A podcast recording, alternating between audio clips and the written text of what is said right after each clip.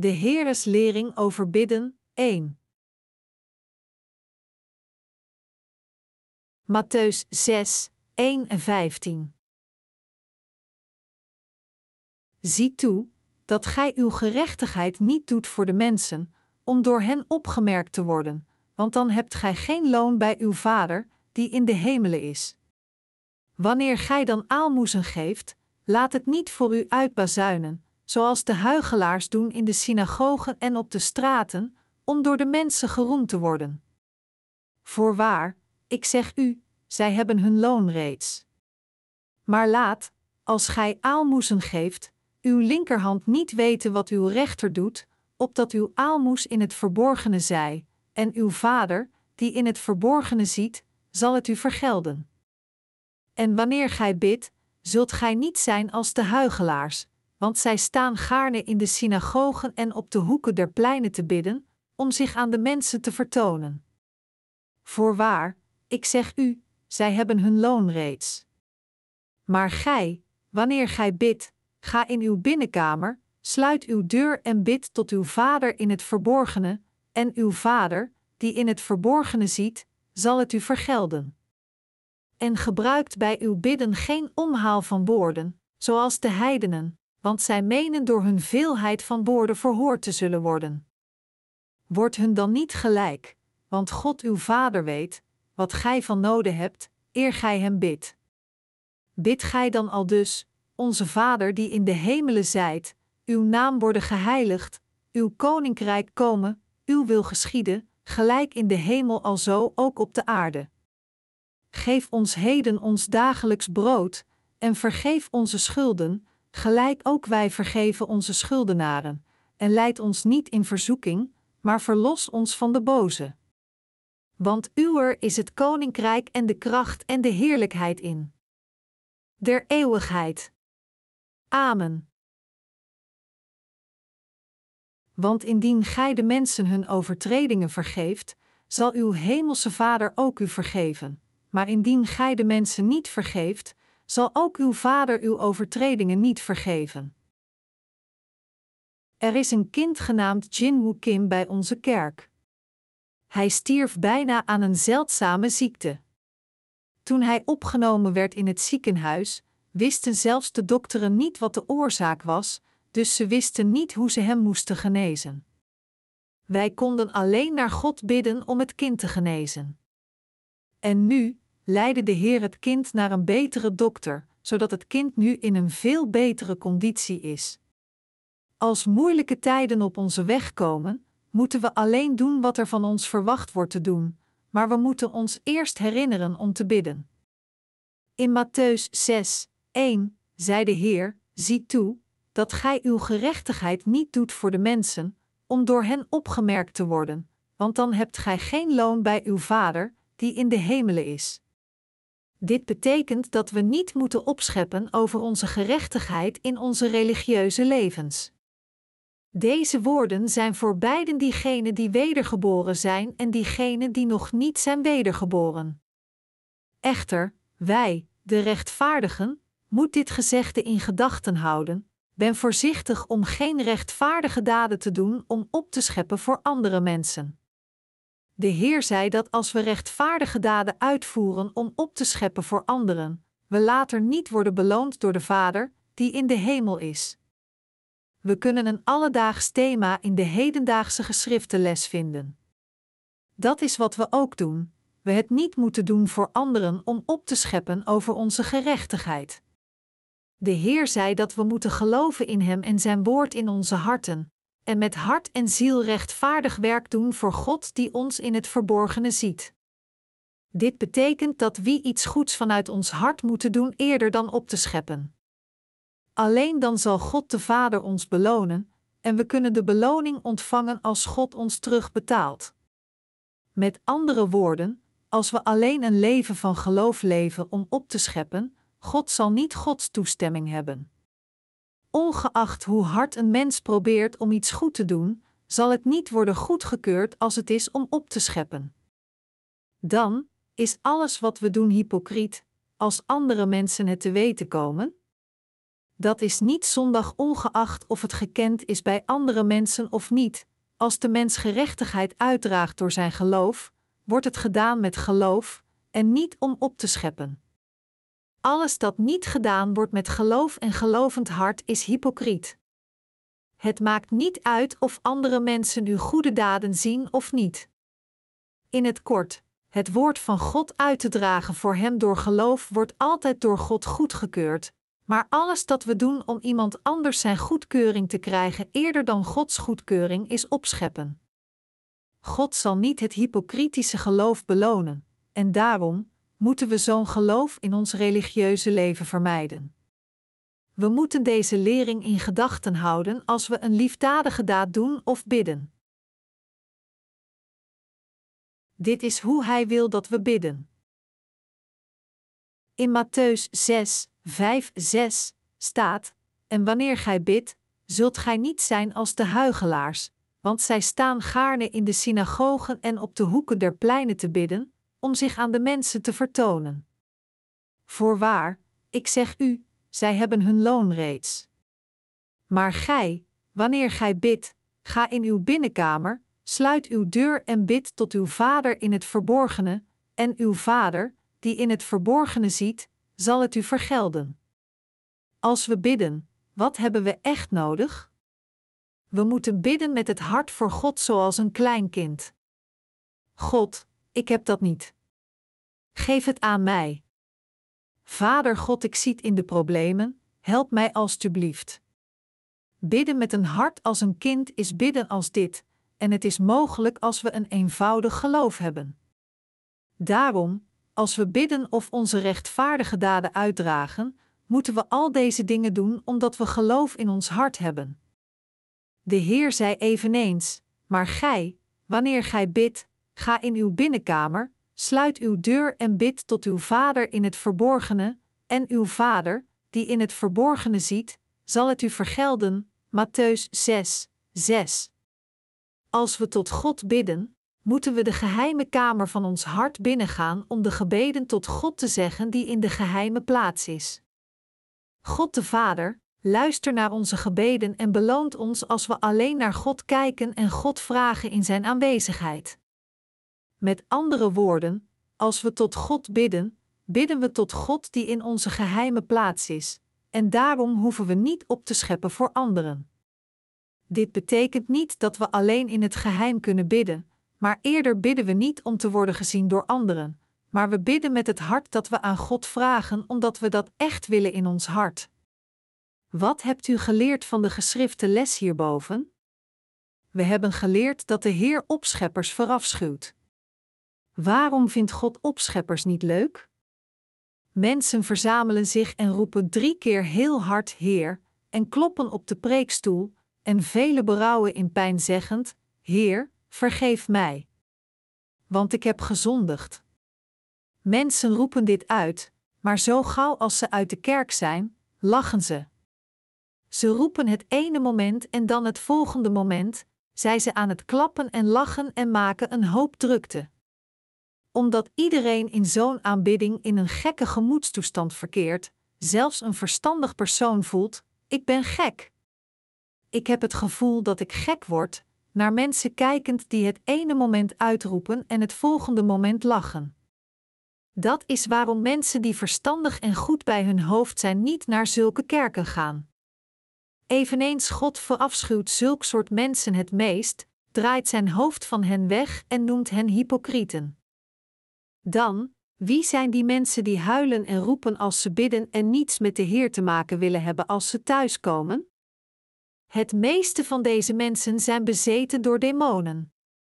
Bij hun ontmoetingen zijn zelfs de leiders bezeten door demonen en ze spreken in tongen dat geen mens kan begrijpen. Soms sporen zij hun volgelingen aan tot opwinding gebruikmakend van geluidseffecten met hun microfoon zeggend: Ontvang vuur. Vuur, vuur, vuur.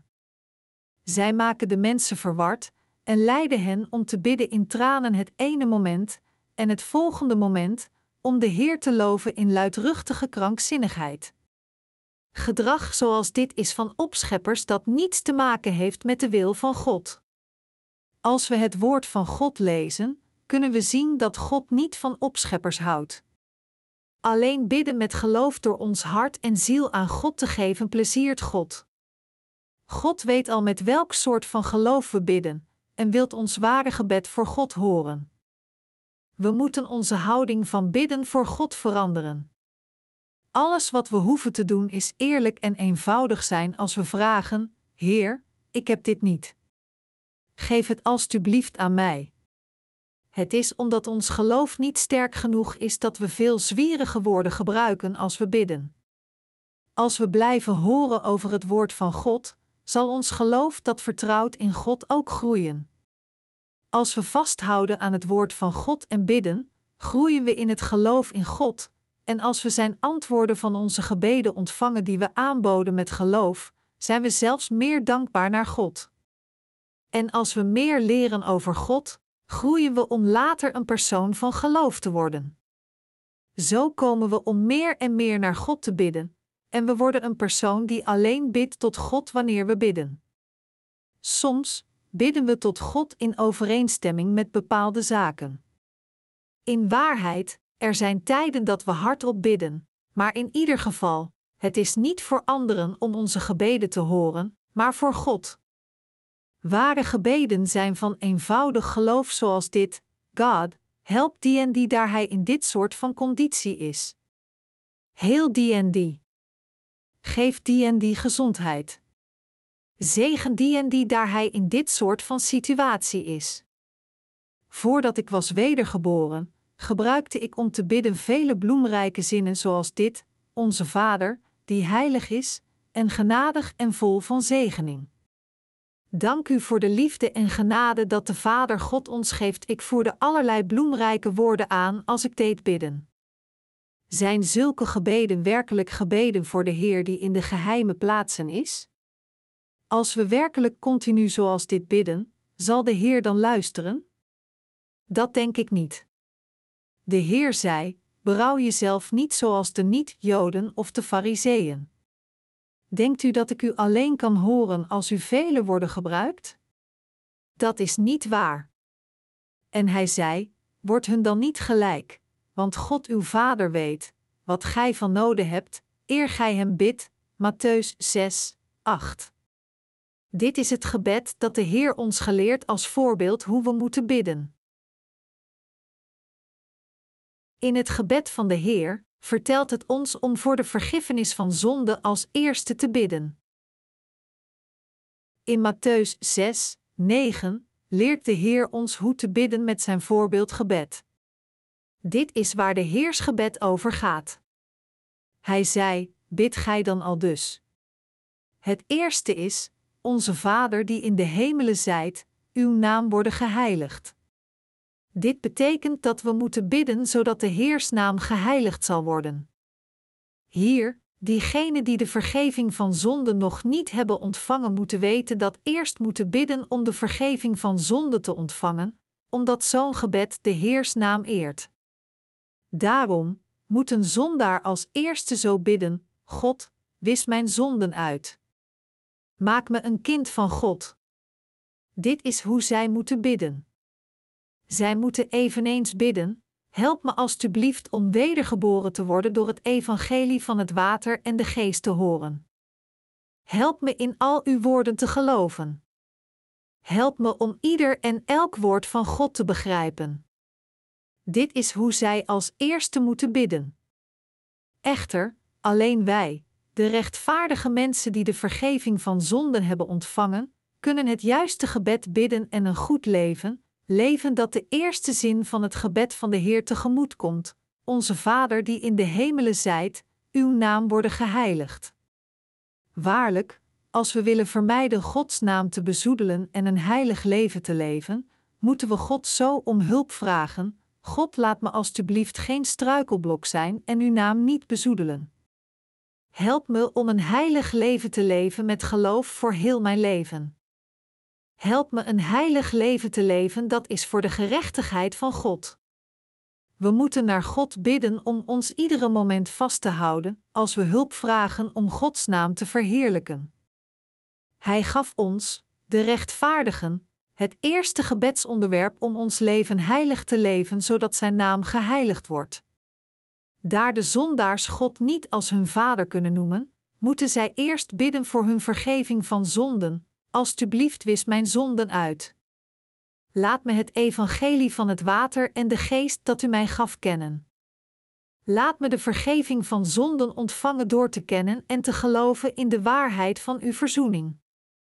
Om Gods naam in de eerste regel van het gebed van de Heer te verheerlijken, moet iedere zondaar als eerste bidden naar God voor hulp voor de vergeving van zonden.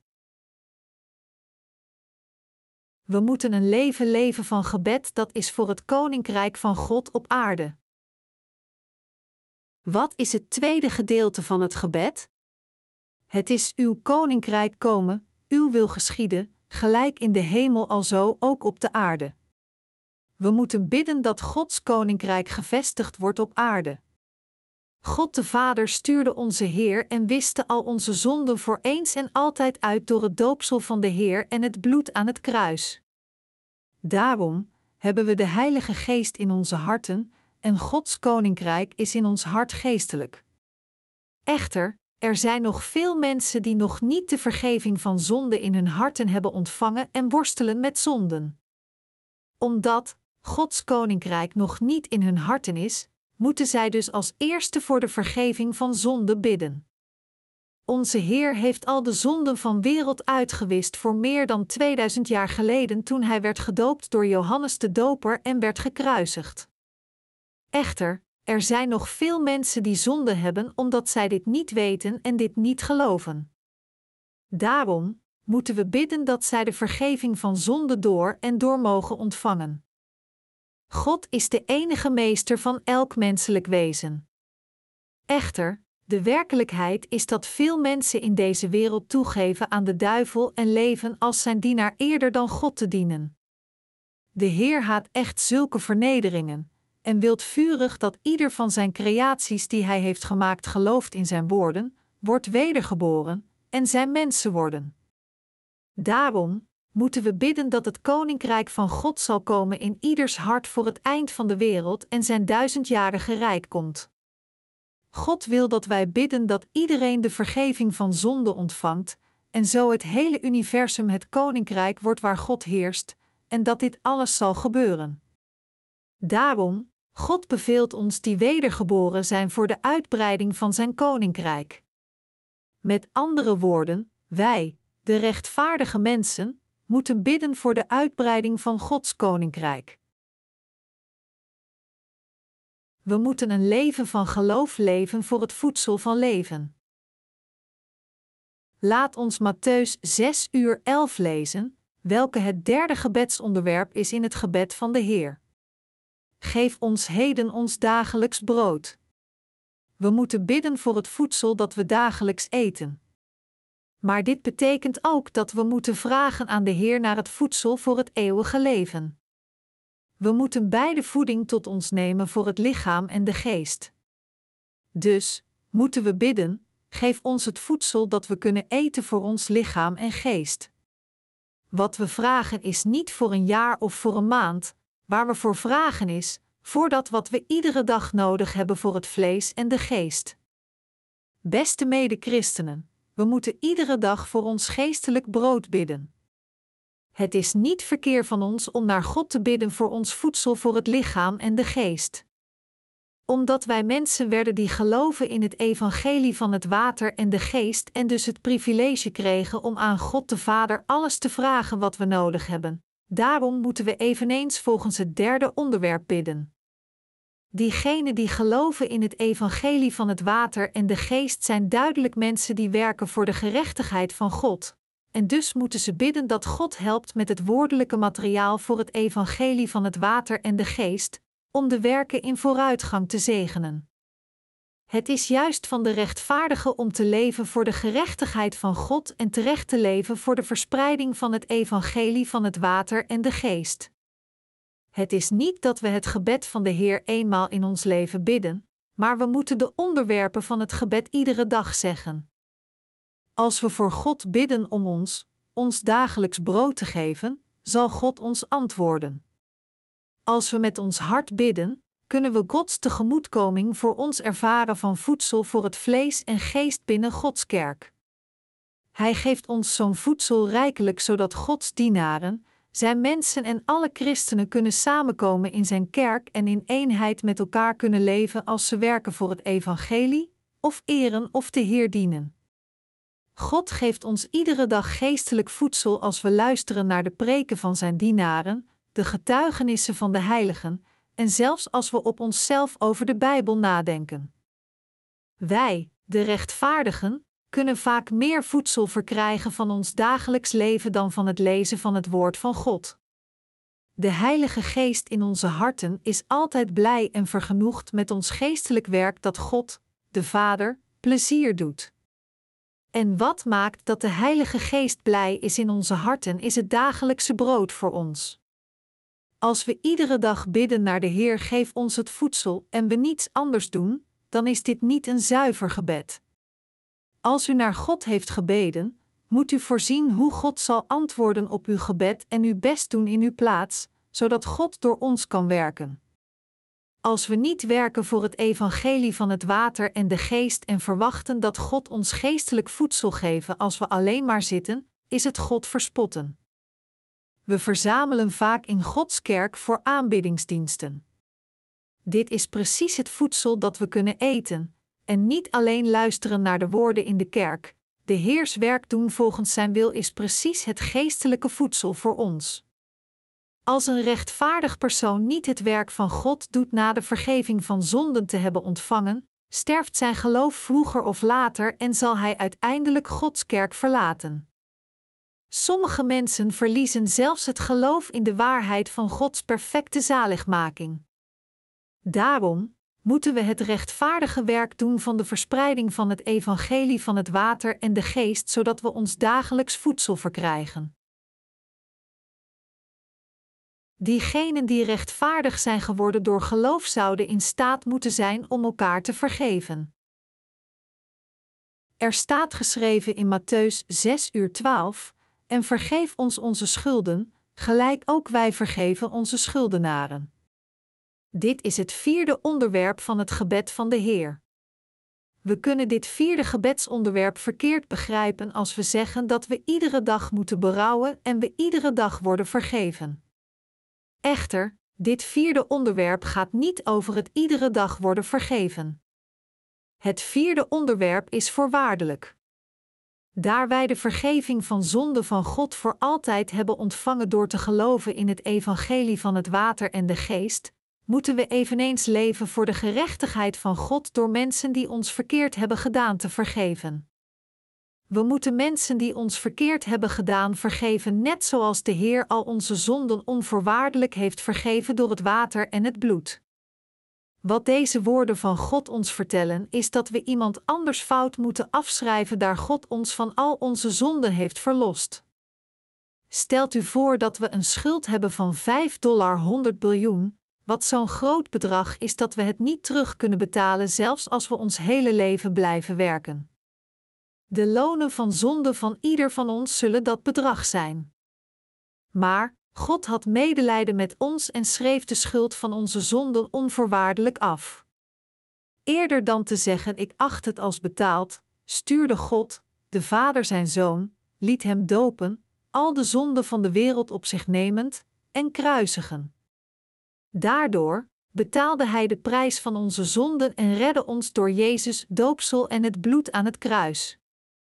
Dit is hoe onze Heer onze schuld afschreef door te geloven in Zijn vergeving van zonden.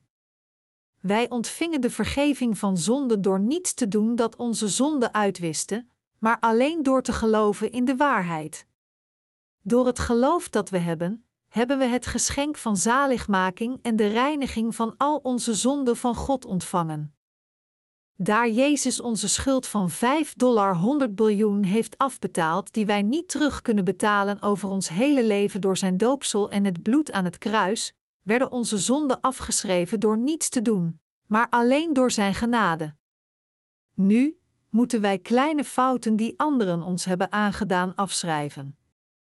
We moeten ons leven van vergiffenis vooropstellen voor elkaar. Levend met andere rechtvaardige mensen en zondaars, moeten we elkaar voor onze fouten die anderen hebben gepleegd aan ons vergeven. We moeten elkaar volgens het evangelie van de Heer vergeven. Wij zijn schuldig aan God voor onze zonden, maar de Heer kwam naar deze wereld en vergaf al onze zonden door het doopsel dat hij ontving van Johannes de Doper en zijn bloed. De Heer zag onze zonden en onze hulpeloosheid, dus hij wiste hen allemaal uit van zijn kant. Omdat de Heer wist dat wij niet rechtvaardig kunnen worden, zelfs als we ons hele leven eraan toewijden, wiste hij al onze zonden voor eens en altijd uit door de waarheid van het evangelie van het water en de geest. God, de Vader stuurde zijn enige geboren zoon, Jezus Christus, heeft hem de zonden van de wereld op zich laten nemen door zijn doopsel, werd gekruisigd en verrees, en redde ons perfect van al onze zonden. Dus, Jezus Christus werd onze eeuwige Verlosser, die ons redde van onze eeuwige zonden. Wij hebben de Heer ontmoet, die levend is, door te geloven in het evangelie van het water en de geest. Gelooft u in het evangelie van het water en de geest als uw eigen zaligmaking in uw hart? Ja, hebben we de vergeving van zonden ontvangen door te geloven dat Jezus al uw zonden vergaf door het evangelie van het water en de geest? Ja, dan, daar wij zijn vergeven voor de zonde van de wereld door de fantastische genade, moeten we de fouten die anderen hebben gemaakt tegen ons vergeven. Het vierde onderwerp van het gebed van Jezus is om elkaar te vergeven. Dit gebed uitdragend gebod God ons de juiste manier voor ons geestelijk leven. Hier in het vierde deel van het gebed van de Heer, waar we ons duidelijk over moeten zijn, is dat we de vergeving van zonden niet ontvangen door gebeden van berouw. Sommigen kijken naar deze passage dat zegt: En vergeef ons onze schulden, gelijk ook wij vergeven onze schuldenaren, en zeggen: Kijk hiernaar. U ontvangt de vergeving van zonden als u gebeden van berouw zegt. Maar dit is niet het geval. Zo'n bedrog is het gevolg van hun misverstand van het evangelie van het water en de geest. Deze regel zegt precies dat diegenen die de vergeving van zonden hebben ontvangen door het evangelie van het water en de geest elkaar moeten vergeven en de gebreken van elkaar moeten bedekken. De zonden van een mens kunnen niet worden kwijtgescholden door hen te vergeven met de mond, maar vereist een wettige verzoening, een wettig dier zonder gebreken, het overdragen van zonde door het opleggen van handen, en zijn plaatsvervangende dood die de lonen van de zonde betaalt. Jezus Christus heeft al de vooropgestelde stellingen van onze onderlinge vergeving volbracht door alle zonden van de wereld weg te nemen. Daarom, door ons geloof dat ons de vergeving van zonde gaf, moeten we elkaars fouten die we maken als we leven afschrijven. We moeten bidden dat God ons op iedere manier zal beschermen. In Matthäus 6 uur 13 staat: En leid ons niet in verzoeking, maar verlos ons van de boze. Verzoeking betekent in moeilijkheden lopend. Dus, leid ons niet in verzoeking betekent bidden om te voorkomen dat we in verwarring en verzoeking worden gebracht. Als we bidden voor God de Vader, moeten we zo bidden: God de Vader, laat me niet in moeilijkheden terechtkomen, bescherm me iedere moeilijke situatie. God, zegen me alstublieft, behoed me voor verkeerd te gaan omdat ik te veel wereldlijk materiaal heb of niet genoeg materiaal heb, behoed me voor slechterikken, en laat me niet vervallen in zijn verzoekingen. We moeten vaak bidden om ons niet in verzoeking te brengen. We moeten zorgvuldig iedere dag bidden van het eerste te gebed tot het zesde gebed. Als een mens in de verzoeking vervalt, wordt het bezwarend voor het verstand en hij eindigt stervend. Daarom moeten we iedere dag bidden naar God om niet in moeilijkheden terecht te komen. Bovendien moeten we uit de moeilijkheden in ons hart geraken door broederschap van geloof en waarheid met broeders en zusters in de kerk van God te hebben. Gods kerk is een fijne plaats voor broederschap onder wedergeboren christenen. Het is niet mogelijk om een oprechte en serieuze broederschap onder mensen te hebben die nog niet zijn wedergeboren. Echter, in Gods kerk zijn er zoveel mensen om broederschap mee te hebben als u wilt. En, als u probeert om broederschap met iemand te hebben, is het beter om dit te doen met iemand die in een hoger geestelijk niveau is dan uzelf. Dit is omdat zo'n persoon zijn geestelijke kennis en ervaringen kan delen, welke realistisch en ook op te brengen zijn, in detail met u. Het is goed voor ons sinds zij het makkelijker maken voor ons om geestelijk voedsel van geloof te eten door met ons te praten, en zij kunnen zich gemakkelijk in ons verplaatsen op een manier die veel op hun eigen situatie lijkt. Er is veel voedsel van geloof van mensen die voor op ons liggen. Echter, als we broederschap met iemand hebben die te ver op ons voor ligt in geloof, is het niet nuttig voor ons dat hij zijn voedsel met ons te deelt daar het geestelijk voedsel voor ons moeilijk te verteren is. Dit kun je vergelijken met als we voor het eerst leren om te fietsen. De beste leraar voor een kind om te leren fietsen zijn hun oudere broers of zusters, die eveneens net hebben leren fietsen, eerder dan hun ouders. Diegene die het beste kan uitleggen op een niveau dat het kind het begrijpt, is diegene die net pas hetzelfde heeft meegemaakt. Als een vader het kleine kind zou leren hoe te fietsen, kan hij misschien met één te grote fiets aankomen die meer op zijn niveau ligt en daardoor het kind ontmoedigt die nog steeds aan het leren is. Het kind zal sneller leren fietsen door naar zijn oudere zusters en broers te kijken hoe zij fietsen en daardoor worden aangemoedigd met de gedachte: dit kan ik ook. De oudere kinderen kunnen het kind helpen met realistische instructies. De grote fiets van de vader kan het kind verbluffen die leert om te fietsen zelfs voordat op de fiets heeft gezeten. Dit is hetzelfde met onze broederschap in geloof. Diegene die ons kan helpen stap voor stap in de groei van ons geloof op de meest realistische en feitelijke manier op mijn niveau is iemand die net hetzelfde pad heeft gelopen als ik. Broederschap is het meest nuttig als het met iemand is die net voor mij hetzelfde heeft meegemaakt. We moeten altijd bidden en leid ons niet verzoeking, maar behoed ons en verlos ons van het boze met het geloof in het evangelie van het water en de geest. Het grootste gevaar als we in de hand van het boze zijn is dat we ons zelfs niet realiseren dat we in gevaar zijn. Hoe gevaarlijk is dit? Daarom moeten we bidden dat niet in de handen van de boze vallen en dat God ons van het boze redt. En, als u voelt dat u wordt verleid, kom er dan zo snel mogelijk uit met uw geloof. Matthäus 6, 14, 15 zegt: Want indien gij de mensen hun overtredingen vergeeft, zal uw hemelse Vader ook u vergeven. Maar indien gij de mensen niet vergeeft, zal ook uw Vader uw overtredingen niet vergeven. We moeten elkaar vergeven. Feitelijk, diegenen die wedergeboren zijn, zijn goed in het vergeven. Echter, zelfs onder ons, de rechtvaardigen, het moeilijkste deel is het iemand vergeven. Misschien is dat de reden waarom onze Heer het hier herhaalt. Vergeeft u gemakkelijk of niet als u iemand anders zijn gebreken, fouten en zwakheden ziet?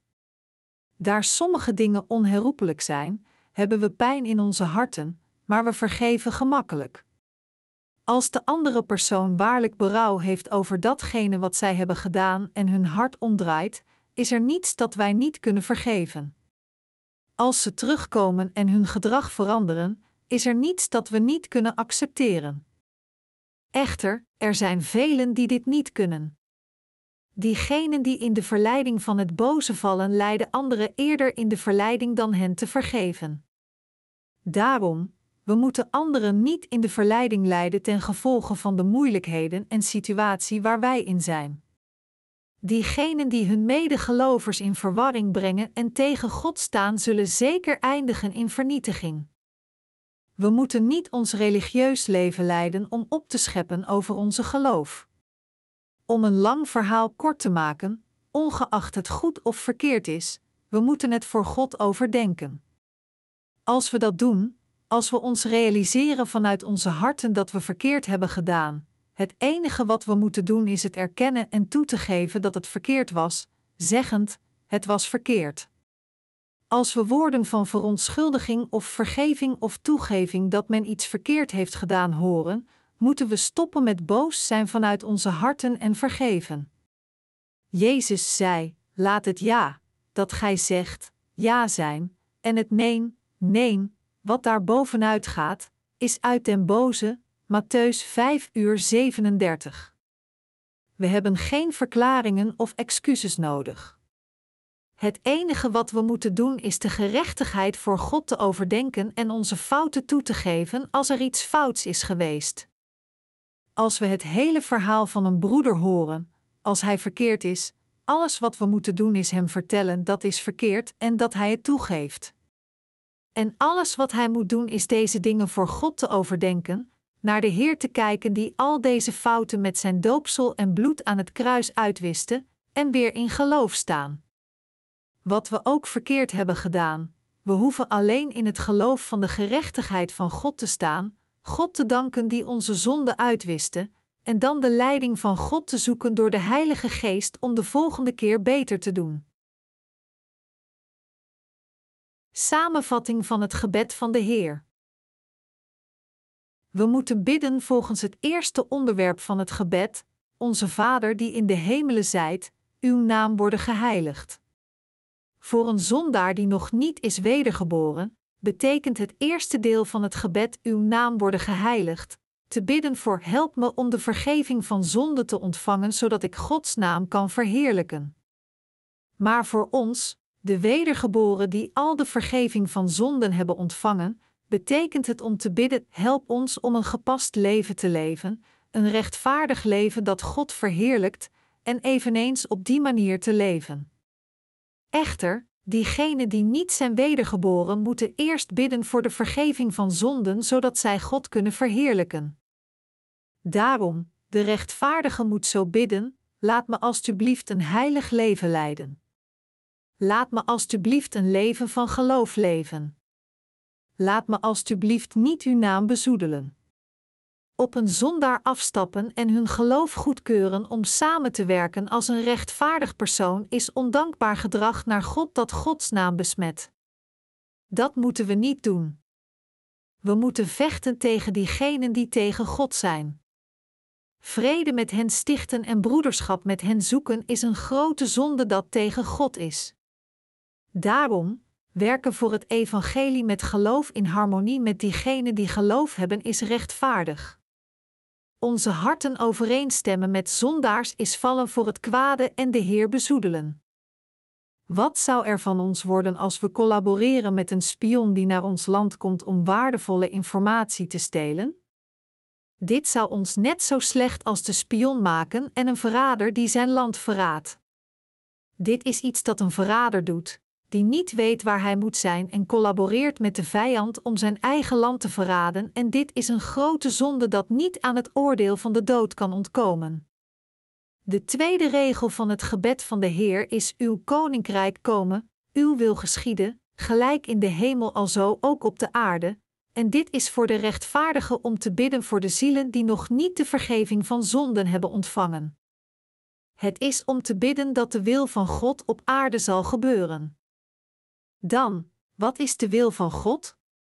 Het is dat ieder levende vergeving van zonde ontvangt. We moeten God vragen ons met dat te helpen. We moeten bidden voor werkers en wereldlijke materialen, en dan moeten we ons helemaal aan de Heer en zijn werk toewijden. We moeten alles van onszelf en onze tijd en moeite als ook alles dat ons toebehoort toewijden, zodat de wil van God zal worden gedaan op aarde. We moeten leven voor het werk dat iedereen leidt naar de vergeving van zonden.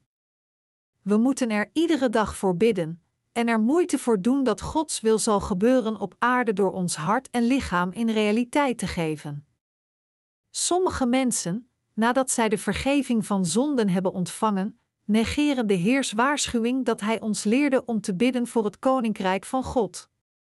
Als een mens die de vergeving van zonden heeft ontvangen niet bidt voor het verspreiden van het evangelie of zich niet met Gods kerk verenigt met deze bedoeling, dan zit hij in de plaats van een slecht mens. Zo'n mens moet niet de zegeningen voor het vlees en de ziel van God verwachten. Daarom, in feite, deze rechtvaardige mensen die niet leven en bidden voor de rechtvaardigheid van God leven buiten de wil van God en zijn niet in eenheid met Gods wil. We moeten iedere dag voor ons dagelijks brood bidden, welke het derde onderwerp van het gebed is: geef ons voedsel, zodat we niet hongeren. Geef ons het voedsel voor het vlees en de geest. Zegen onze zaken zodat we het werk van God kunnen doen. We moeten bidden voor Zijn voorzienigheid om het evangelie van het water en de geest te dienen. Dit is het derde deel van het gebed. Het vierde deel van het gebed is dat we anderen vergeven voor datgene wat ze ons hebben aangedaan, net als de Heer al onze zonden door het water en het bloed vergaf. Onder de broers of zusters in uw familie die de vergeving van zonde hebben ontvangen, en de mannelijke en vrouwelijke dienaren van God, moeten we elkaars fouten vergeven, net als de Heer al onze zonden uitwiste. Als iemand zegt: Dit is verkeerd, moet de andere persoon toegeven: Ah, ja, ik ben verkeerd. Dan moeten we elkaar vergeven vanuit het hart. Zelfs als ik niet meer over praat, geloof ik dat u alle gemakkelijk vergeeft. Dat is waarom u met geloof heeft geleefd, niet waar? We moeten bidden dat we niet in verzoeking raken, dat we geen moeilijkheden tegenkomen en dat de Heer ons beschermt. En het zesde deel van het gebed is: verlos ons van de boze. We moeten bidden dat wij, de wedergeborenen, niet in de handen van het kwade vallen of dat we worden betoverd door hen, en dat God ons bevrijdt van het kwade als we in de handen van het kwade zijn. Toen zei de Heer: We moeten elkaars fouten vergeven. Dit betekent dat rechtvaardige mensen elkaar moeten vergeven. Wij, de rechtvaardigen, moeten altijd bidden volgens de manier die de Heer ons heeft geleerd en erin geloven. We moeten bidden voor zulke onderwerpen iedere dag. Bovendien moeten we op die manier iedere dag leven. We moeten bidden om elkaar te vergeven, om niet in de verzoeking te vervallen of in het kwade, voor ons dagelijks brood, en voor het koninkrijk van God op aarde. Niet alleen dit, we moeten proberen om zo'n geloofsleven te leven door geloof. We moeten een leven van gebed leven voor de gebieden waar we tekort schieten om God te verheerlijken. Degene die iedere dag zijn gebeden zegt zoals de Heer ons heeft geleerd, is de persoon van geloof. Beste mede-christenen, als we de geschrifte passage van vandaag nemen aan diegenen die nog niet zijn wedergeboren, zij interpreteren het verschillend. Echter, als wij de wedergeborenen deze passage nemen en het onderzoeken en interpreteren, geloof ik dat zij eveneens toegeven dat wat ik heb gezegd tot nu toe niet verkeerd is, maar juist. Gelooft u dit? Ja, het eerste onderwerp van het gebed dat hij tegen ons die wedergeboren zijn zegt is: Uw naam worden geheiligd. Echter, in ons dagelijks leven doen we misschien dingen die Gods naam bezoedelen eerder dan zijn naam te verheerlijken? Zijn u en ik mensen die altijd moeite kunnen doen voor 100%? Zelfs al kunnen we de Heer niet verheerlijken, moeten we op zijn minst de Heers naam niet bezoedelen. Dit betekent Eerder dan een struikelblok te zijn voor wat Gods kerk probeert te doen, moeten we respect, liefde, verenigd en collaboreren met zijn kerk en de ambten zodat Gods naam geheiligd kan worden. Beste mede-christenen, we moeten waarlijk bidden voor de broeders en zusters, voor de mannelijke en vrouwelijke dienaren, voor de uitbreiding van Gods koninkrijk, voor het leven dat Gods naam niet zal bezoedelen, en voor ons dagelijks brood. We moeten eveneens iedereen vergeven die ons verkeerd heeft gedaan vanuit onze harten, net als onze Heer al onze zonden uitwiste. We moeten bidden dat we niet in moeilijkheden raken. Laat ons bidden dat onze harten niet in verzoeking vallen. Als we niet luisteren naar het woord, vallen onze harten voor verzoeking en komen we in moeilijkheden. Als we het woord niet hebben gehoord, het geestelijke voedsel, worden onze harten ongezond. Als dat gebeurt, vallen we voor de verleiding, met andere woorden, moeilijkheden. Onze vleeselijke gedachten komen op en controleren onze geestelijke gedachten. Als dit gebeurt, daar wij, rechtvaardige mensen, zijn niet de wensen van het vlees met 100% kunnen volgen, zijn onze harten in moeilijkheden omdat zij heen en weer moeten gaan tussen vlees en geest. Daarom, moeten we oppassen om niet in zo'n situatie terecht te komen. Om zich voor te bereiden op geestelijke gezondheid, moeten we naar Gods kerk komen en het woord horen. Ongeacht wie het woord tijdens de dienst preekt, het woord wordt voor een week in Gods kerk gepreekt. Zelfs als er geen speciale verwezenlijking is, we kunnen ons tenminste ontdoen van de droesem terwijl we luisteren naar het woord. We kunnen ons alleen ontdoen van de droesem van vleeselijke gedachten en fouten door het woord te horen.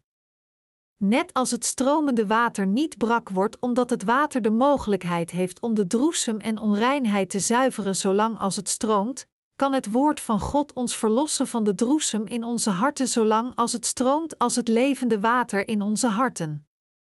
Als we zijn verlost van vleeselijke gedachten, komen nieuwe geestelijke gedachten op en bezetten de lege plaats, zodat ons verstand veilig en beschermd is. Daarom moeten we zo vaak mogelijk onderzoeken of we nalatig zijn geweest met enkele onderwerpen van het gebed zoals beschreven in de Bijbel. Als er iets is waar we nalatig in zijn geweest, moeten we er meteen mee stoppen. We moeten bidden voor deze gebieden en er meer acht op slaan. Dit is waarom de Heer zei dat we niet moeten opscheppen als we bidden, en leerde ons te bidden in een paar verschillende paragrafen. In het gebed van de Heer is alles voorzien. Dit toont hoe we een leven van gebed kunnen leven. In feite is het eerste deel van het gebed reeds voor ons beantwoord. De vergeving van zonde in het eerste deel van het gebed is vervuld, maar nu moeten we bidden zodat we een heilig leven kunnen leiden. Daarom moeten we het woord en het evangelie iedere dag verspreiden om de heiligheid te onderhouden, zodat we niet diegenen worden die de heerlijkheid van God belemmeren.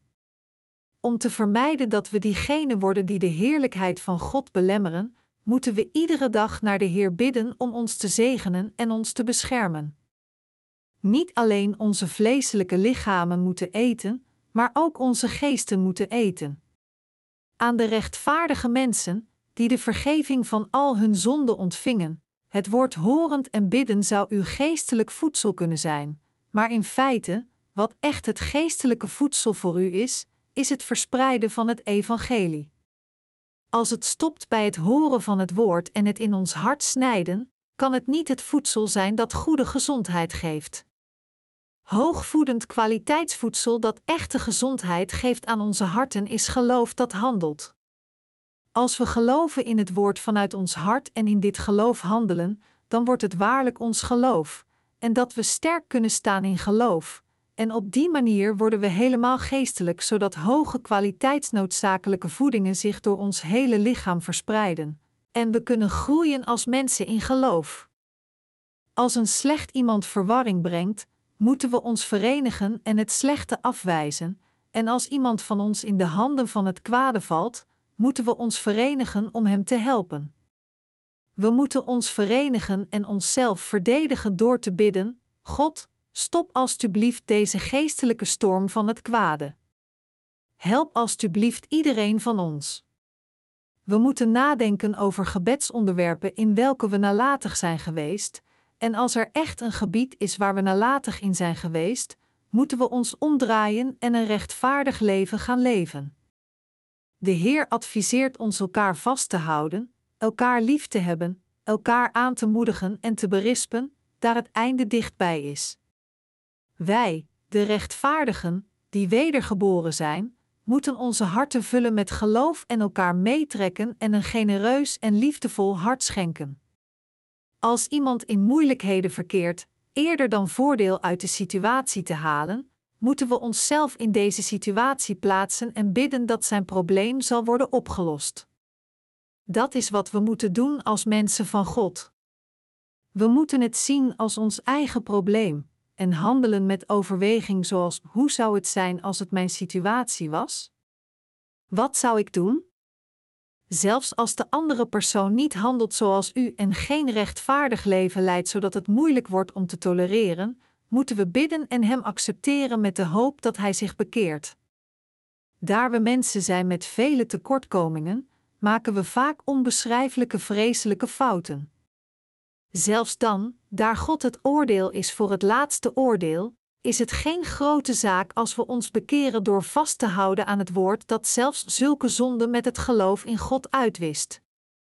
Dat is omdat als God zegt dat het niets is, het dan ook niets is. We moeten elkaar accepteren binnen het geloof dat gelooft in het hart van de Heer door wie we allen worden geaccepteerd. Ongeacht wat het ook is, we moeten een laatste beslissing maken over God concentrerende criterium, gebeden concentrerend over God, levens concentrerend in God en leven volgens het gebed van de Heer.